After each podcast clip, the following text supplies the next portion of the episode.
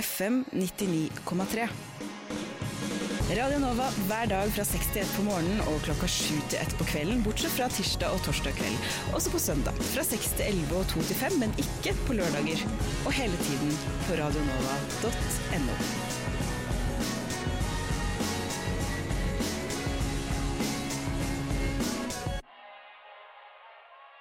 Bevilgningen til, til universitetene er, er vi veldig dårlig fornøyd med. Og hvis du ser på hva de tar We i see no more killing of innocent lives. Ja, det, er- den saken eh, tapte vi i Soria Moria-forhandlingene. Men hvorfor tapte dere når alle er enige om det? Eh, Nei, det var ikke så stor enighet som eh, det Jeg kunne tror vi møter den tradisjonelle brytningen mellom individets frihet og samfunnets ønske om beskyttelse. Lokalt, nasjonalt, internasjonalt. Nyhetsdialog går i dybden. Flere studenter sliter psykisk pga. eksamensstress. Leder for SIO helse Kari Jussi Lønning kommer til studio. Pga. svak norsk krone sliter norske studenter i utlandet med å klare seg økonomisk. Og studentmediene i Trondheim ser etter nye eiere. Du hører på Nyhetsfredag 20.11. Hei, jeg heter Jonas Gahr Støre. Du hører på Nyhetsfredag. Følg med og ha en fin fredag og god helg. Klokken er fem over elleve, og du hører på Radio Nova og Nyhetsfredag. Navnet mitt er Amalie Widerberg. Med meg i studio har jeg nyhetsredaktør i Radio Nova, Sara Beck Sørensen, og på teknikk Isak Ree. En svak norsk krone mot euro, pund og dollar fører til at mange norske studenter syns det er for dyrt å studere i utlandet. Et av de dyreste landene å studere i for nordmenn er nå USA. ANSA, som er en organisasjon for norske studenter i utlandet, har nå 20% færre medlemmer enn på samme tid i fjor. Vi har med oss ANSA-president Jakob Bergvik Aune på telefon fra Japan. Velkommen. Hallo? Hei. Hei. Ser dere i ANSA at det er eh, færre at det er færre nordmenn som studerer i utlandet som en konsekvens av den svake kronen? Ja, vi, vi har ingen uh, fakta som, som viser at det er det, men det er grunn til å tro at det er svake kroner som er utslagsgivende for norske studenter. Hva syns dere om dette? Det som, altså vi, er jo med, vi har ca. Ja, cirka 10 000 medlemmer, og eh, vi vil jo at færrest mulig skal ha uh, skal ikke, altså flest mulig skal ha mulighet til å reise ut og studere i utlandet. Og med en svak krone så blir det enda dyrere for norske studenter å studere i USA. Og eh, da er vi redd for at folk som kanskje ikke bemidla hjem, ikke har muligheten til å reise ut. Og det er jo veldig synd. Er det flere land enn USA som merker, hvor dere merker stor nedgang? Nei, vi har ikke merka nedgang i medlemstall i verken Storbritannia eller Australia på samme måte.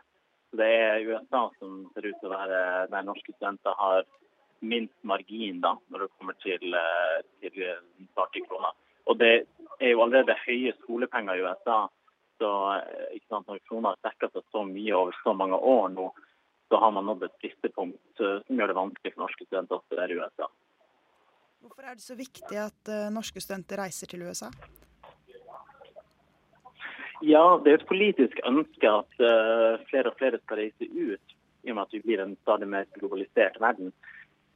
Uh, Regjeringa har jo åpna opp for at man kan ta første året i USA, og det har tidligere ikke vært mulig på en bachelorgrad. ikke sant? I USA er det fire år i bachelorgrader, mens i Norge er det tre.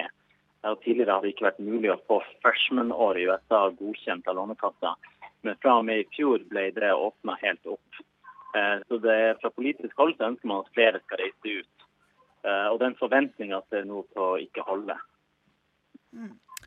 Og eh, hvordan ser fremtiden ut for norske utviklingsstudenter? Ja, er, vi ser jo også på utvekslingsstudenter, altså folk som tar en grad i Norge, men som er et år eller et semester i utlandet. Vi ser også at det nevnt fall, det tallet. Så antall eh, norske studenter som tar deler av sin grad i utlandet, er stadig færre. Eh, Så det er også urovekkende. Så vi, vi håper at man eh, kan gi bedre støtteordninger til norske studenter, sånn at det blir mulig for alle å reise ut. Det bør være talent og ikke foreldrene sin pengebok som skal være avgjørende. Ja, du merker at nå er det en tendens til at elever med rike foreldre får eh, bedre muligheter. Ja, vi, vi, vi tror at det kan, eh, kan være sånn at folk som ikke har midler hjemmefra, ikke har mulighet. Vi har ingen tall som viser at det er kun de med måte sterke, pengesterke foreldre som reiser ut. Men ikke, ikke sant, når man ikke engang får dekt hele støtten, altså hele skolepengesatsen, så er det grunn til å tro at det er mange som får støtte hjemmefra. Men hvilke muligheter får man ved å reise som, nei, utenlands som man ikke får i Norge? Ja, altså det første vil jeg si at uh, Norge er jo et lite land. Vi har ikke gode fagmiljøer i alle subdisipliner av alle fagretninger. Så det vil være første grunn til å reise ut. Det er mange flere muligheter i utlandet. Så vil jeg også litt fremheve språk og kulturkompetanse. Det å kunne et annet språk er stadig viktigere. og faktisk det etterlyser norske bedrifter eh, engelskspråkkunnskaper. F.eks. Eh, vises det til i NHOs eh, kompetansebarometer for 2014, så var engelsk eh, ønska av 40% av alle medlemsbedriftene. Og så er det mange andre språk som vi ser på fremmarsj også. Eh, nå er jeg faktisk i Japan, eh, og vi ser at altså japansk, koreansk og kinesisk er språk som eh, i stadig større grad vil etterlyses av eh, norske bedrifter. Så språkkunnskap er også viktig. Og det får man med å reise ut. Og du syns Er det noe Lånekassen kunne gjort for at flere kunne fått råd til å reise? Jeg vil bare presisere at Lånekassen er jo politisk styrt, så det må komme fra regjeringa. Eh, og vi har fått gjennomslag nå i statsbudsjettet for 2016 for eh, en styrka utvikla språkstøtte. Så nå blir det mulig å, å, um, å ta et ettårig språkkurs i mange flere land enn tidligere. F.eks. i Sør-Korea, hvis man ønsker, å lære, ønsker å lære seg sørkoreansk. Eh, så dette er en veldig gledelig satsing fra regjeringa. Og så er det klart, eh, Man kan alltid gjøre mer. Eh, og eh, Vi ønsker at det skal bli en høyere stipendsats for norske studenter i utlandet. At man skal få mer i stipend av Lånekassen til å betale skolepenger. Men vi er fornøyd med den satsinga regjeringa nå har kommet med. Det høres flott ut. Da sier jeg tusen takk til deg. Og ja, Takk for at jeg fikk komme. Ja, ja bare hyggelig. Ha det bra. Nyhetsfredag. Går i dybden. Rektor ved Høgskolen i Oslo og Akershus, Kurt Rice, skrev en kommentar som vel ble publisert på nyhetsstedet og bloggen Huffington Post. Why International Students Should Not Come to Norway het artikkelen som har duket for både debatt og misforståelser. Med oss i studio i dag så har vi Kurt Rice. Velkommen til deg. Takk skal du ha. Eh, I et avsnitt i artikkelen så skriver du om det du kaller for lokale og globale grunner for at Norge burde tiltrekke seg utenlandske studenter. Eh, kan du fortelle litt mer om hva du mener med det? Eh, jo, det kan jeg gjerne gjøre. Jeg mener at vi må ha et mye større satsing både på å sende studenter ut og til å tiltrekke oss flere internasjonale studenter. Og når vi tiltrekker oss flere internasjonale studenter, så, så gjør vi noe som påvirker utdannings- og undervisningsmiljøene på en veldig positiv måte. Men på en måte som vi ikke bestandig ser. Vi legger opp til eh, at flere kulturer møtes på klasserommet. Vi legger opp til at vi får inn studenter som er vant med å gjøre ting på en annen måte. Og vi legger opp til at vi kan eh, få integrert oss med de som kommer til oss. Så vi kan egentlig si at teksten hovedsakelig handler om, om ditt ønske om at Norge burde bli bedre på integrering, eh, og samtidig oppfordrer til sam samarbeid på tvers av nasjonene. Jeg, jeg konstaterer at du har faktisk lest teksten, og det setter jeg veldig stor pris på. Det er klart det. Det er ikke alle som har gjort, som likevel stiller spørsmål ved det. Men da er du enig i det? At det er ja? Ja. Det, ja. Så bra. Eh, du har jo ikke forsket eh, på emnet, men du har jo egne erfaringer fra bl.a. å ha jobbet tett med, med utvekslingsstudenter. Hva, mener du at nordmenn er eh, dårlige på, på integrasjon? Integrere? Ikke mer enn andre. Det mener jeg ikke.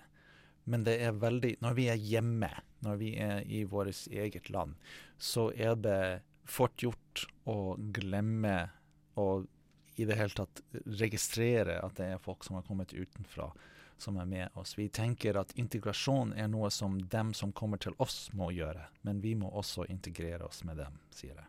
Mm. Har du noen konkrete ideer for hvordan nordmenn kan bli bedre da på å integrere? Jeg syns at um, i klasseromsammenheng så kunne man anerkjenne mer tilstedeværelsen av internasjonale studenter. Engasjere dem i diskusjoner om hva slags rutiner og praksiser de er vant med på klasserommet. Spør norske studenter om de kunne tenke seg å prøve ting på en litt annen måte. Et veldig konkret eksempel er at norske studenter snakker forholdsvis lite i undervisningssammenheng sammenlignet med andre studenter, og enhver norsk student som har hatt et semester i USA, vil skjønne godt hva jeg snakker om her. Og Jeg sier ikke at noen er dårlig eller noen er bra, jeg sier at det er forskjellige måter å gjøre ting på, og vi vil tjene på å, være, å ha et eksplisitt og bevisst tilnærming til det. Uh, for du har jo selv en annen nasjonalitet enn norsk. Kan du fortelle litt om din integreringsprosess? Min integreringsprosess? ja. Jo da, det, det, det, går på at jeg må lære å holde kjeft mer enn jeg er vant med, med, med å gjøre.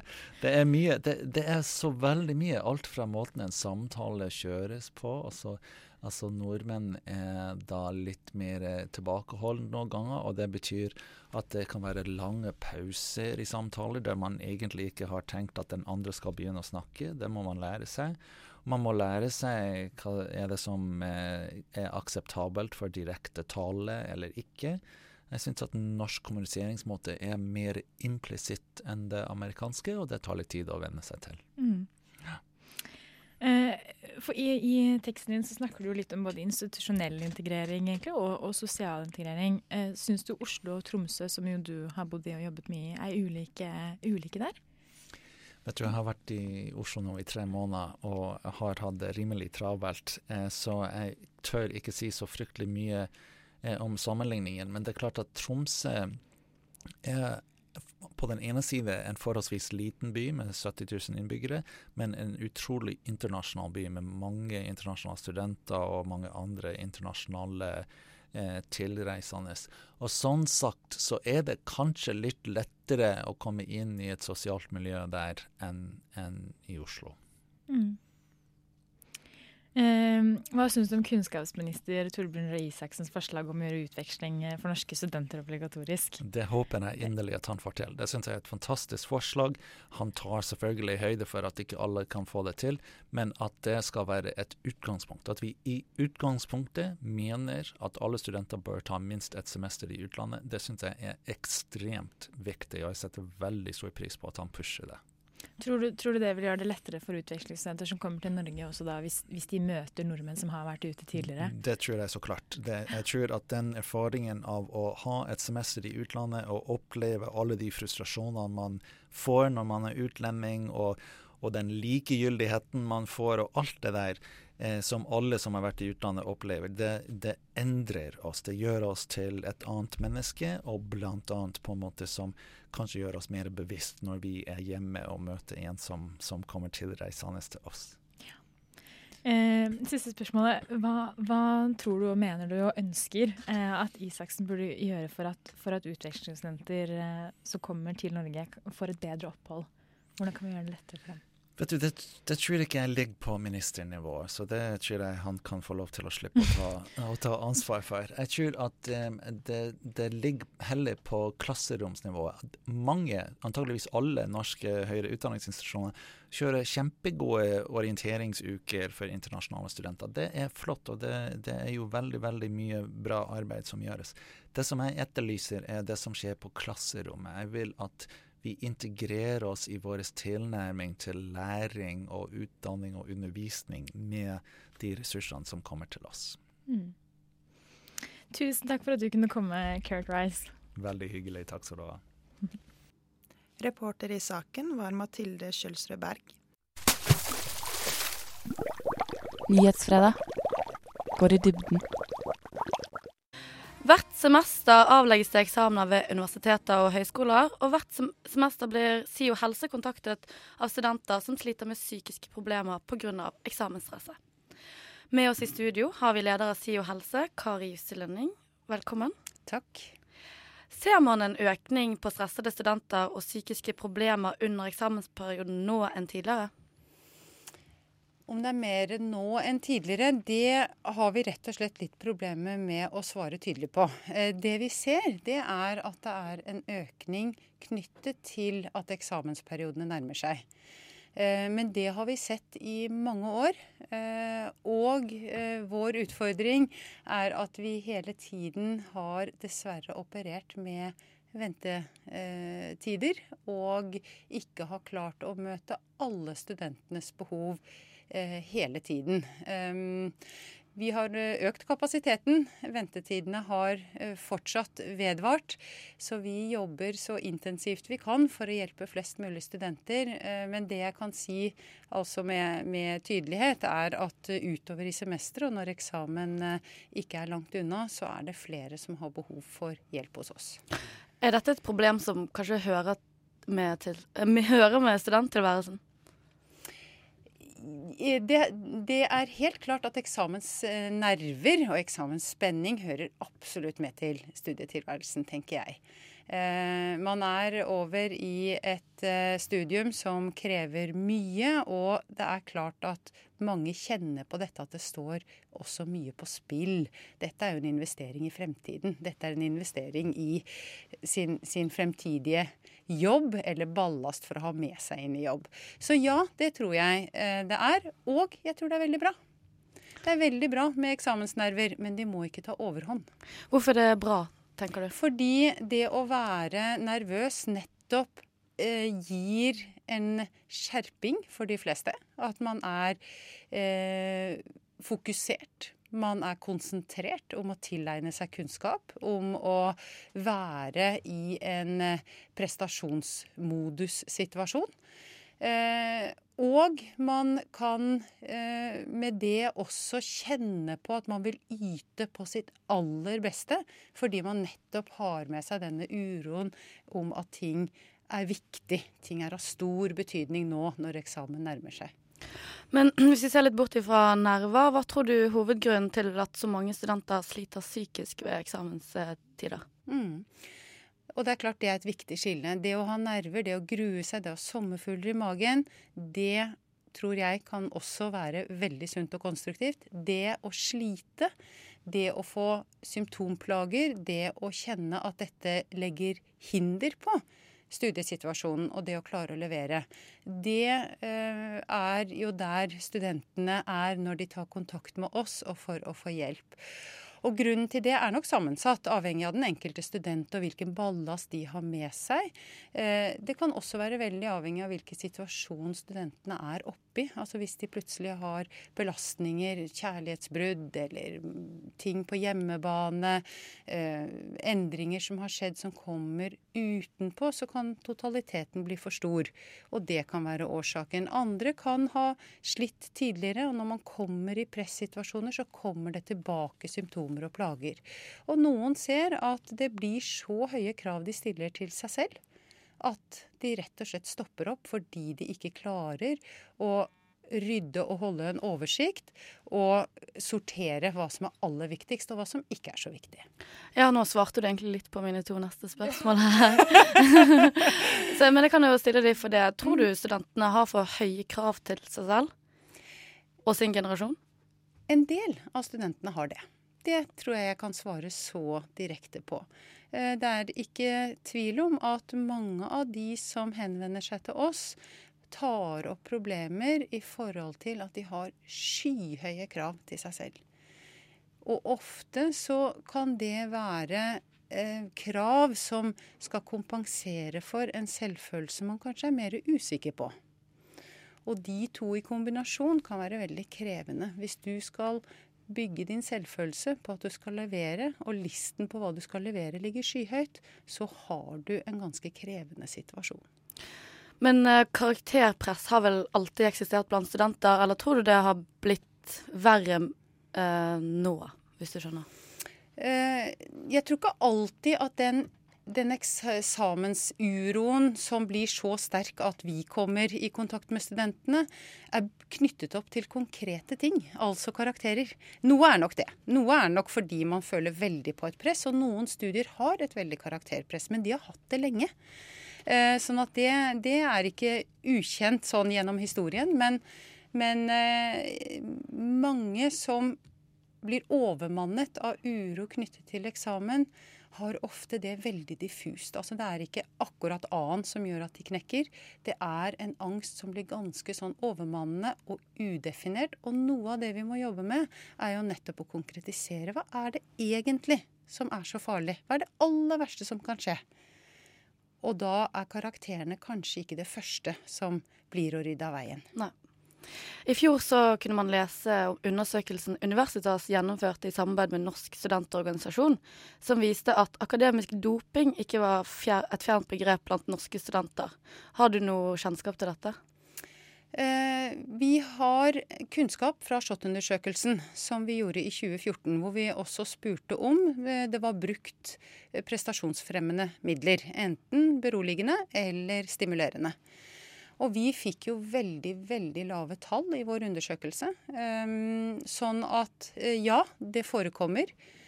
Min og Helse sin holdning er bare å være veldig klar på. Det er svært risikofylt atferd.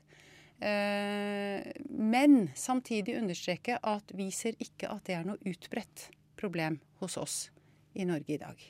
Nei, Så det kommer ikke Dere møter ikke studenter som kommer og eh, vil snakke om de, akkurat disse problemene? Det har vi nok i liten grad. Mm. Hvis man som student føler seg truffet av det som nå har blitt sagt, uh, og ønsker å snakke med noen, hvordan mm. går man fram? Eh, det første jeg vil gi råd om, er at eh, hvis du er veldig urolig og engstelig, eh, avklar med de du har som undervisere. Snakk med dem. Hør, hør hva det er kravene består i, og om du har forstått dem rett. Hvis det ikke er holdbart eller tilstrekkelig, ta det opp i kollokviegruppen. Si fra at du er kjemperedd, du sliter. Hvordan er det hos de andre? Hvordan kan dere sammen konkretisere, sette opp en plan opp mot eksamen og rydde sånn at nervene og uroen holdes mest mulig i sjakk. Hvis det heller ikke er tilstrekkelig, så er vi der. Da er det bare å ta kontakt, ringe opp til rådgivningen vår eller til psykisk helseseksjonen vår, og vi vil kunne bistå med råd og veiledning. Helt til sist, eh, har du noen gode råd, råd til de som sitter ytterst på stolen og biter negler nå? Det har jeg. Det jeg vil si, lag en plan over den tiden du har igjen. Men lag en realistisk plan over den tiden du har igjen. I den planen så må du lage deg noen luftehull. Noen hyggelige luftehull. Hvor du treffer venner eller gjør noe som ikke handler om studiene. Så vil jeg si at det er veldig viktig å komme seg ut i dagslys. 30 minutter minimum. Helst med å bevege litt på seg. Eh, litt vanskelig nå å si at sett deg ut og spis matpakken i minus fire grader. Så i hvert fall. Men, men, få dagslys. Og det handler om å få en god nattsøvn, fordi vi ved å være ute i dagslys får stimulert hormonproduksjon, som hjelper oss til å sove bedre. Og da er det neste punktet.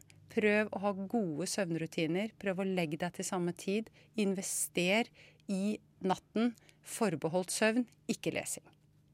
Det var alt vi rakk, dessverre. Tusen takk for at du kunne komme, leder i SIO helse, Kari Jussi Lønningen. Tusen takk. FM 99,3.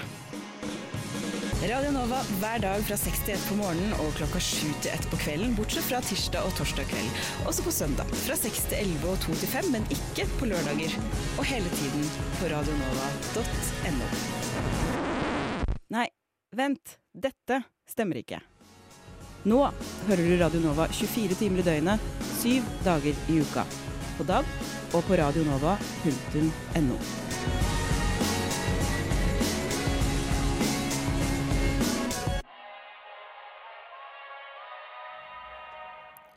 Samskipnaden i Trondheim meldte i juni at de ønsker å gå ut av sitt delte eierforhold i studentmediene i Trondheim AS. De utgir bl.a. studentmagasinet Under dusken.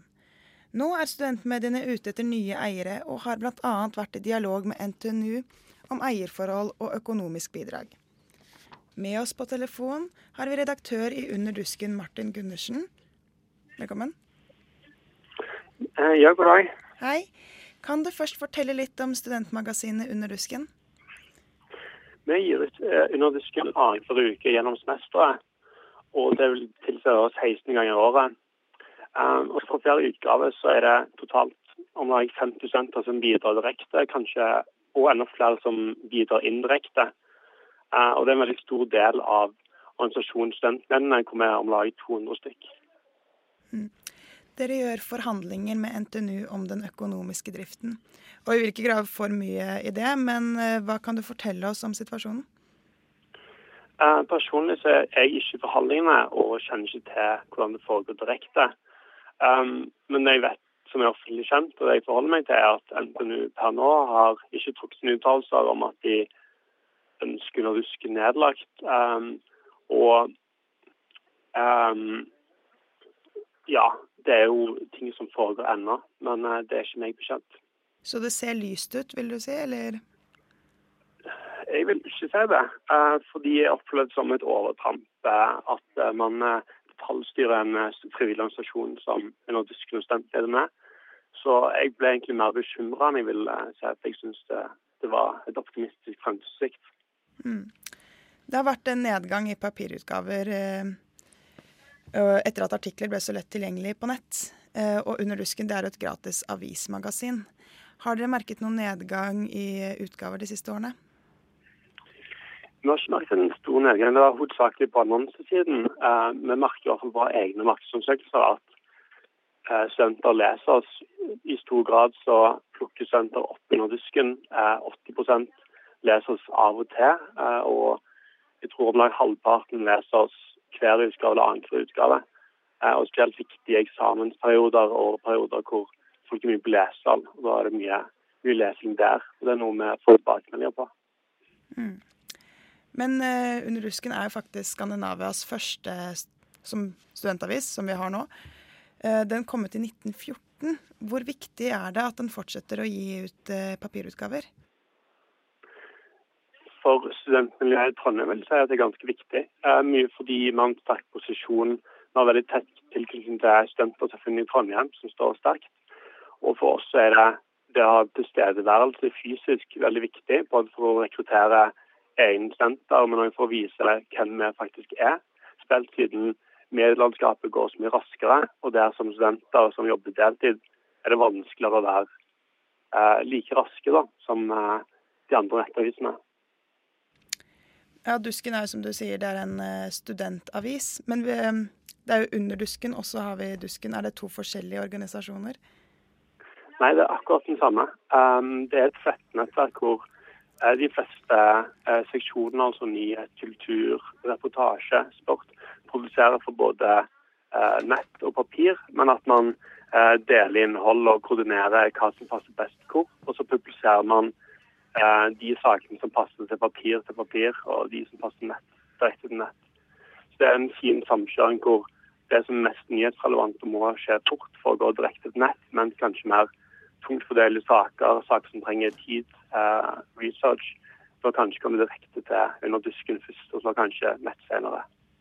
Mm. Og hva er de negative sidene ved å eksistere på Hvis dere bare skulle hatt uh, nettartikler og ikke hatt en papirutgave, er det noen negative sider ved det? Vi vil miste en unik mulighet til å være der studenter er. Um, altså i lunsjpauser og på campus. Uh, det har mye å si å ha en forside som forteller et budskap. Det har mye å si fordi det kan levere innhold som mennesker kanskje like stor grad kunne lykkes med på nett, som kanskje er litt mer humoristiske små tekster, eller de litt mer tungt fordøyelige eh, sakene som krever mye bilder og kanskje tid da, som man ville foretrekke å nytte seg av da, når man, man, er på skolen og ønsker en pause. Mm. Men dersom dere kun kan fortsette på nett, hvilke muligheter ser dere for dere fremover da? Um, først ville jeg vært bekymra fordi det vil kreve at veldig mange av de frivillige ikke lenger har en oppgave, uh, altså en grafiker og tegnere. Um, men dernest så er det muligheter i uh, at vi vil bli mer fokuserte. Um, vi vil kunne jobbe mer tett på å være tidlig ute. Samtidig som vi ikke ser kanskje det som vår aller sterkeste side. Det ville vært uh, det ville også vært vanskelig for studenter som er på skolen å kunne være til stede og produsere saker på dagen, når det krever såpass uh, strukturert liv da, ellers. Mm. Men da ønsker vi dere lykke til videre med forhandlingene. Og tusen takk for at du tok deg tiden, redaktør i Underdusken, Martin Gundersen.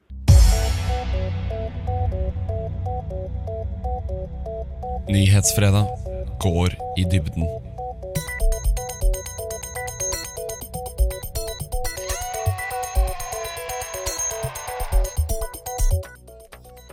Dere hørte The Kills med Baby Says. Da var Nyhetsfredag over for i dag. Vi er tilbake neste uke klokken 11. Snart begynner radiotjenesten, etterfulgt av Klagenemnda. Men først noen ord fra ansvarlig redaktør i Radio Nova, Bjørnar Haugerud.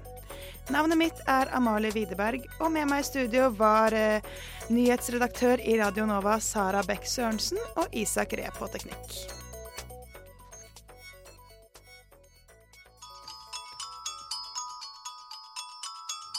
Du lytter til Radio Nova på FM 99,3. Forrige helg var jeg ikke langt unna med å begå sosialt selvmord. Jeg holdt på å slette meg selv fra Facebook, men etter et par korte millisekund slo jeg tanken vekk. Jeg er avhengig av den drittkommunikasjonsverktøyet av et sosialt medium, som har forstyrret meg sikkert ti ganger mens jeg skrev denne lederen. Avhengigheten utspiller seg bl.a. ved at Facebook er det første jeg ser idet øyet åpnes på morgenen. Jeg kunne sikkert rettferdiggjort det med at det er for jobbens del, ettersom det nærmest hører med i alle journalistiske stillingsbeskrivelser å være på sosiale medier. Men jeg hadde gjort det for det om. Jeg bare må se hva dere tenker, hva dere mener, og hva dere føler. Kommunikasjonsverktøyet gjør meg sosialt disponibel til enhver tid. Jeg er sosial når jeg leser en god bok, nyter en god middag, ser en film, den blir med meg overalt, selv på do, om den bare kunne blitt værende der. Men hva handler denne lederen om? Den handler om deg og meg på sosiale medier, kanskje litt mer meg. Hvordan da, kan du spørre. Jo, la meg fortelle. Vi skal tilbake til forrige helg, da jeg skulle til å ta sosialt selvmord.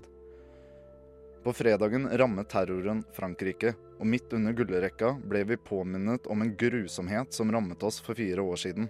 Som sympatierklæring gjorde mange av oss det samme som vi gjorde etter 22. juli. Vi la til et filter på profilbildet på Facebook. Til motsetning var dette for noen helt feil. Ja, men hva med? Retorikken florerte Facebook. Deretter stormet politisk korrekthet-politiet mobilskjermen min mens jeg satt der på dass og vurderte å skifte tilbake til mitt vanlige profilbilde. Det ble spurt om hvorfor det ikke var et flaggfilter for f.eks. Tyrkia og Libanon. En måte å vise sorg og sympati på skulle nå bli et offer for sosial korreksjon, eller et slags sosiale medier-justis. Det er helt innafor å stille spørsmålstegn om hvorfor ikke Facebook hadde den samme filterfunksjonen for de foregående terrorhandlingene som rammet Tyrkia og Libanon. Men man kan ikke angripe ved bruk av tastatur de som velger å bruke ytringsfriheten ved å vise sympati til en befolkning i landesorg. Hvor i helvete har vi kommet når vi bruker krefter til å dømme de som bruker et bilde som symbol på sympati? Og det er dette denne lederen handler om. Hvordan Facebook, dvs. Si oss selv, kan kvele ytringsfriheten. Jeg har hatt lyst til å slette Facebook-kontoen min mange ganger, fordi den til tider gir meg mer sinne og frustrasjon enn glede og lykke.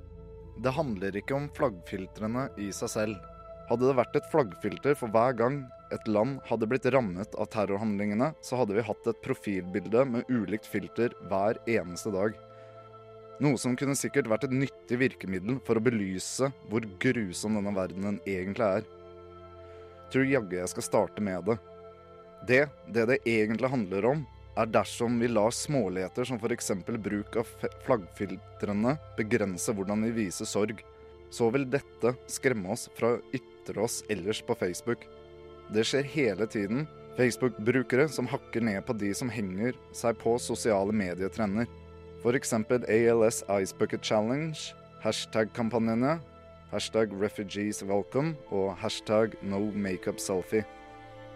Det kan diskuteres hvorvidt det er effektivt eller til nytte med slike kampanjer, hvor man bruker sitt eget oppmerksomhetsbehov for å få en sak på dagsorden, ved f.eks. å kaste en bøtte vann over seg. Til sammenligning kan en spørre hvilken nytte det har at folk kommer med hatfull respons, jf. Facebook-brukere på VG nett, i stedet for kritisk og konstruktiv tilbakemelding. Kampanjene er uansett en handling, en ytring, og det skal stimuleres og oppfordres til å bruke ytringsfriheten på Facebook. En skal ikke være redd for at noen skal politisere ens ytringer. Vi kan ikke begrense oss selv på sosiale medier fordi noen kommer til å vurdere det som politisk ukorrekt. Det verste med det hele er at alt i alt har ikke sosiale medier gjort at vi står hverandre nærmere noen gang. Jeg er 26 år nå, og jeg meldte meg inn i den virtuelle, sosiale verden i en alder av 18. Den gang trodde jeg at Facebook kunne ha potensialet til at vi kunne forstå hverandre bedre. Kommunikasjon og ytringsfrihet ville være uavhengig av landegrenser. Jeg tenkte at det ville gi muligheter til å mobilisere oss til å stå opp for andres urett på tvers av landegrenser. I stedet er det hyppigst brukt til å promotere våre egne liv, og tidvis til å kritisere andres, uten nødvendigvis å skrive det, men å tenke det. Bare nok et symbol på at vi som art klarer faen meg ikke å kommunisere eller å forstå. Samfunnet gjenspeiler det som skjer på Facebook. Vi deltar og mobiliserer kun til aksjoner og kampanjer som kun gir direkte respons og er kortvarig. Vi har ikke lenger folkebevegelser som forener oss uavhengig av bakgrunn, som går aksjoner, som kan kjempe for en sak over flere år. Jeg tviler hardt på at vi ser bevegelser som ønsker verdensfred, f.eks. hippiene. Men om det skjer, så må den ta sted i sosiale medier. For det er der vi samles. Vi samles ikke lenger i gatene. Dermed kan vi ikke individuelt har frykt for hva som blir skrevet der. En stor undersøkelse fra 2014 ved tittel 'Ytringsfrihet i Norge holdninger og erfaringer i befolkningen', som ble utført av Institutt for samfunnsforskning, slår fast at vi er mer villige til å gi slipp på ytringsfriheten fremfor trygghet fra terror. Det er skremmende. Det konforme liv er mer verdt enn et åpent og fritt demokrati. Vil vi redusere friheten og den viktigste hovedingrediensen i et demokrati, ytringsfriheten, den friheten terroristene ser oss helst uten. Det blir i hvert fall ganske ironisk å kritisere de som bruker ytringsfriheten ved å vise sorg til noen som er blitt rammet av terror. Uansett, for eller mot flaggfylte på Facebook, så må vi la sosiale medier få være en arena der vi er ærlige og har åpent ytringsklima. Selv om det er politisk ukorrekt og fare for at naboen kan dømme hele deg fordi du hadde feil farge på profilbildet ditt.